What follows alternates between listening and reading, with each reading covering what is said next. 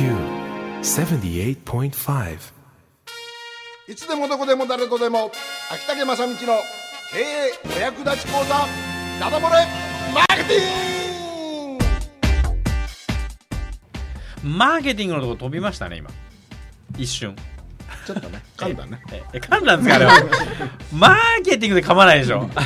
まあいいですけど、はい、時刻が6時を回りまして、えー予定通りかっちりお届けしております、FM 北九の関門独立共和国。今日は、え4人でにぎにぎしくお届けしておりますがねえーお相手は私羊年の羊坂井健と関門独立共和国初代暫定大そその笑いは今どこどこに引っかかったんですか？なんでその羊年なんです羊年毎回言うんです羊年なんですよ私。え羊年、ええ羊年昭和42年生まれ。羊年。ですええーそうなの？羊年です。10歳下？じゃ12歳下？10歳です。あそうなんですね。はい。ねということで、えーえー羊年の羊。うちの親父も羊年なんですよ。じ12歳上ですよね。昭和えーじゃあ24歳上か。昭和6年ですから、えーちょっと上。70歳ぐらいしあ そうですね。はい。ということで、えーその羊年の羊坂井健とはい。関門独立共和国いつまでたっても初代暫定大統領のあそうこの時間はねちょっと肩書き変わりますよ。あそうですか。はい。ええ。あのーオタクパワー研究家。またいい加減だ。オタクパワーオタクパワー研究所所長えー秋竹正道ですね、はい。今月からなったんですよね。はい、はい、そして大迫忍です、はい。ゆしりんではい、ということでございまして、さあ、じゃあ、オタクパワー研究所所長、オタクパワーを。初代暫定所長、なんですよ。あのー すでにあのメンバーもですね、えうちも大変できた途端にうん、メンバー補強ができましてですね、研究員が一人いまはい。して、、ホーリーがね、ホーリー研究員、え研究員が。一応アイドル担当え、そうそうそうそうそう。え私はまんべんなく昭和のオタク研究家と言われてます、あのーそれでですねこのゆるゆるパワーオタクオタクパワーを使ったゆるゆるまちづくりということでお話ししまして、今日4回目ということになります。はい、ちゃんとこの4回目ということを覚えてること自体もすごい。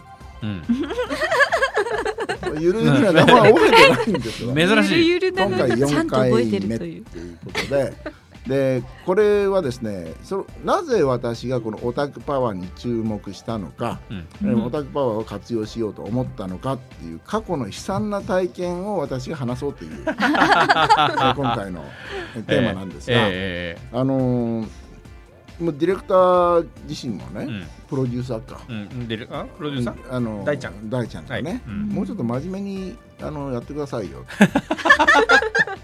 この何であの上に上げるのがあるじゃないですか。ん iPod やないでなんかな。あのなんかあるじゃないダウンロードこれをこの番組をねうん、ああ、いはいはい音してさ、はいはいはい、でポッドキャスト？ポッドキャストポッドキャスト、うん。ポッドキャストのさの題材としては、ええ。あまりにもいい加減すぎて、うん。商品になりえないコンテンツになりえないっていううん。批判がいただいてるわけですよ。ねだからまあ今日4回目までは許してもらうと。じゃあ、あれですね、1回目から4回目までは、うん。もうあの1回目にまとめて凝縮、はい。はい、圧縮版みこたいな。れ全部全部で12回分ありますからね。はい、12回分ありますから。9回にまとめて さ最初の4回分は全部、ん。あの前座。よくあるじゃないですか、本読んでも、うん。なんか最初の部分はつあの難しい理論書いてますから今すぐにでも始めたい方は第4章からお読みくださいって前書き書いてあるのあるじゃそれないですか。はそれは難しい理論を展開してる場合ですよ今すぐ始めたい方はってええ。もうそのグダグダ話はいいからみたいな話で、うん。はい。そのその一応今あ日第4回目まではグダグダ話だからあの DVD でいくと、うん。いわゆる新作の予告編、がいっぱい入ってたと、いよいよ本編はここから始まりますみたいな。引っ張るねええみたいな感じでね、それは来月だから、来月はい。引っ張るねっていうねことで。で私がね、え今まちづくりにやっぱりいろいろ絡んでますが、うん。やっぱ絡んだ最初の時で25歳ぐらいの時なんですけど、約25年27年になるんですよ、うん。もうすでに。うん。でその頃のですねまちづくりっていうのは本当、えー今でも根強い、ん。そのままちづくりの方法論っていうかに、あのっていうか街中によくある、うん。まあ、全盛期商店街が全盛期あーあったり、それからえー商工会議所をはじめうん。それから青年会議所と、うん。今でもこう根強くあのしっかりした組織として存在するようなところ、でそういうところにですねまちづくりやりましょうと思った時に、まあ、自治会はね自治会とか町内会とかまちづくりなんですけど、うん。でそれは本当に地元のねうん。おじいちゃんおばあちゃんが頑張ってるんですはいよ、だから。ですけど本当に町を変えましょうという意識では、うん。あのーそういう商店街とか、商工会とか、ううん。んそういうところになるわけですけど、うん。でその何しろそこがですね辛いっていうのがあるわけです。あと言いますのは若造が入りますと、ーうん。えーだけどお前もそのうち分かるって言われるわけうです。ん。で私はその辺はうまく立ち回ってきたと思うんですね。ううんまくあ先輩方々の中でええ。うまく立ち回ってきたと思うんですけど、はい。中にはですね私の友達先輩にはなんで上の門から間に威張られないけんのかとうん。いうことで去っていった実力者もかなりいることは事実なんですね。それとですねあとそういう会というのはなんだかんだ言ってですね会費がいります。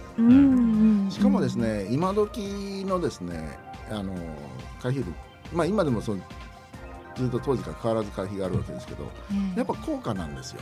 あまあ個人会員で年会費5000円とかー、うんえーそういうのもあるわけですけれども、ええええ。あるんですが、えー青年会長とかになりますと、はい。やっぱ万の単位になりますんでね、うん。万の単位になりますしロータリーとかでもですね、う買いの金額になりますねライオンズ。それと、うん。えーかなりですね、えー会議というかし集まりの頻度が多い。あのがあるんですね。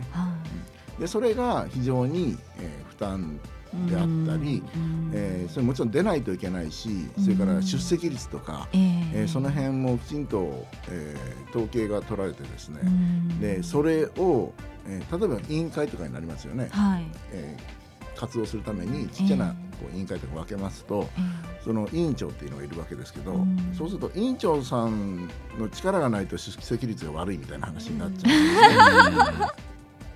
うんだから会がですね維持するのが一生懸命なのか、うん。またえー拡大にしてもですねうん。事業予算っていうのが事業しなきゃいけないので、うん。その会費がないと事業ができないみたいな発想になっちゃったりするわけですね。でそうすると、えー非常に何の気なしに入ったボランティアで入った、うん。えー人たちがなんでここまでせないけんのというふうになっちゃう。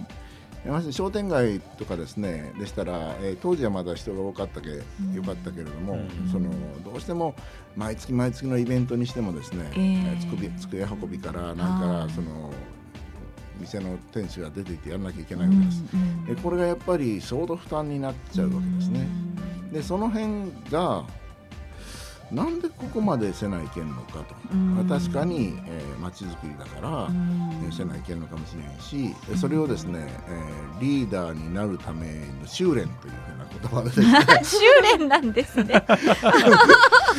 なんか違うんやないみたいなうん。感じもしたりうん。で先輩方々がそのぜひこのうん何々さんをうちの会にどうぞって言った時にですうねん。会社まで行ったり親親のとこまで行ったりですねうん私にお任せくださいもうこいつはすごい立派な人間に育てますからとか言ってるのを見た時にへこれ街づくりなんかななんかなーなんかなっていうのをつくづく感じたりしていた経験があるんですね。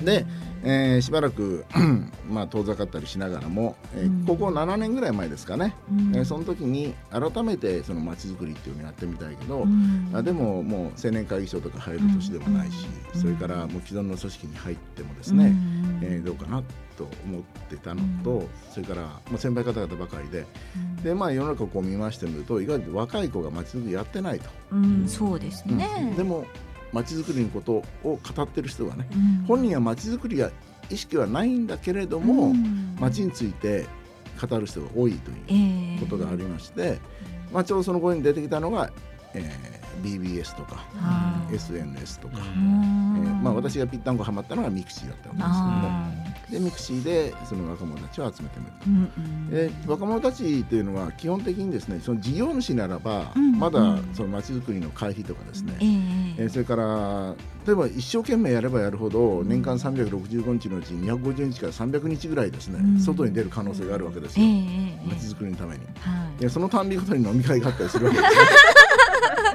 景気のいい時の国内飲みに行こうと思ったらうん。1日1万握っていってもうん足りませんからみたいな話になっちゃうんで、うん。えスナックもあるだけでもねう、ん。えーそうするともう100万単位でうん。実は一生懸命やる人ほどお金を使っちゃうっていうことになっちゃうのでうんとてもとてもそのネット上でなんでこんな街になったのかとか、うん。もっと自分たちの街づくりやりたいっていう人たちにとってはですね、うん。出せるお金じゃないんですねう、んうんサラリーマンとかですね、ええ。主婦の方とかちょっとしたボランティアでとか思う方が、うん。でもその街をそのしっかりと街づくりやってる人たちっていうのは会費を払って、そういう飲み会にもつ付き合ったりそういう飲み会を主催したりしてやってる人たちですから、うん。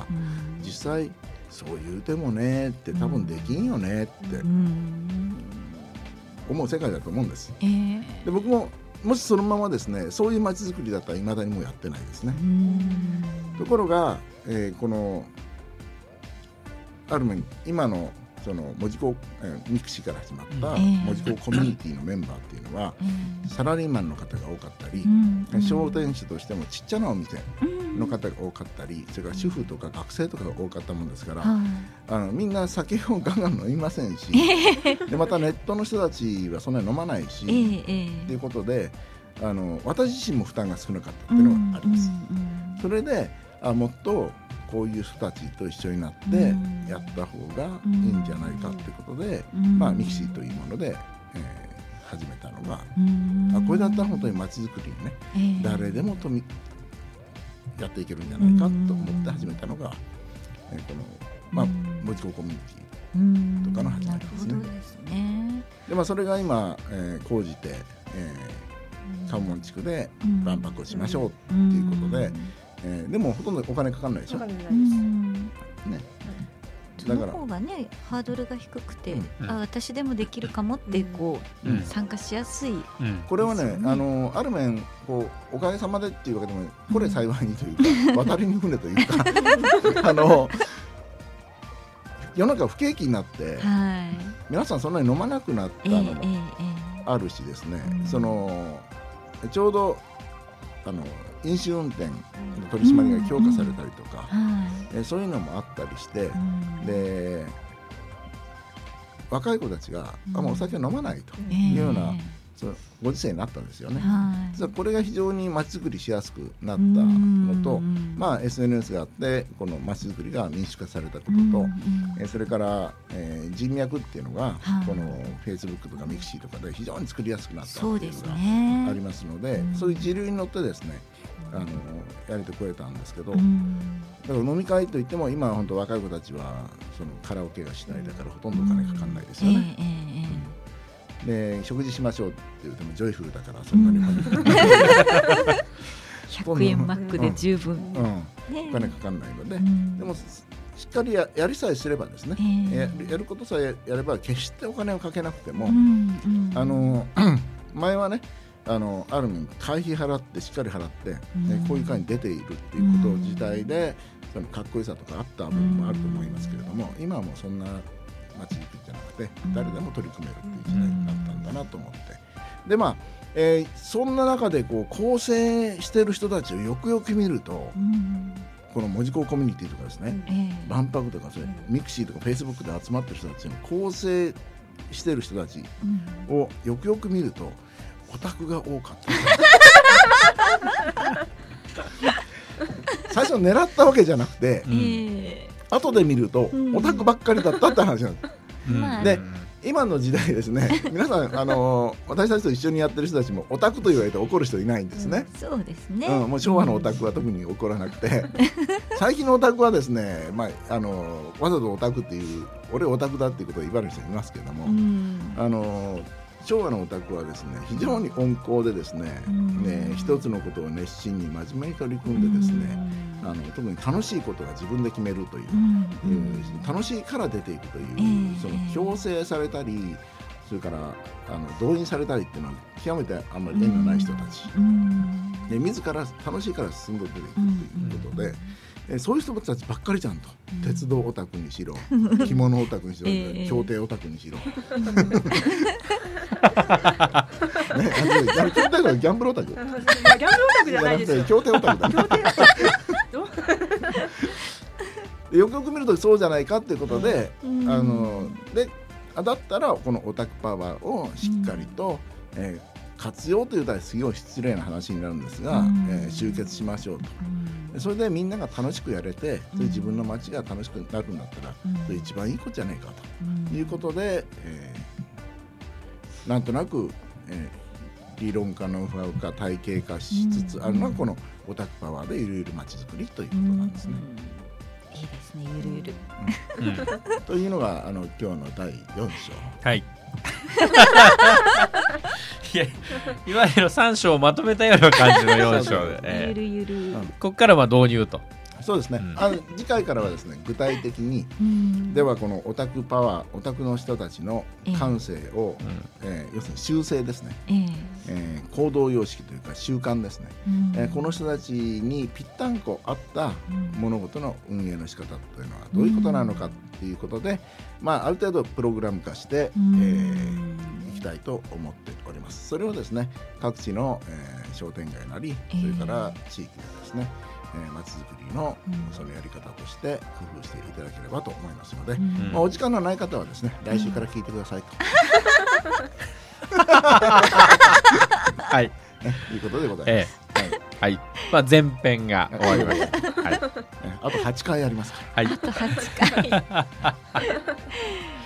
はい、ということで、えー今日の秋田山さん一のね、ダダ漏れマーケティング、えーあ、しかもあの、オタク研究所所長、オタクパワー研究所あオタクパワー研究所所長、はい、はいええーでございました。本当にね。えということで、まあ、あの、また今後も、あ来週から本編で始まりますんで、ご期待いただきたいと思い来ます。年に交互期待そうそうそう、そんな感じで。はい。では、一曲お届けしましょう。えー、ザ・コアーズの曲です。All the Love in the World。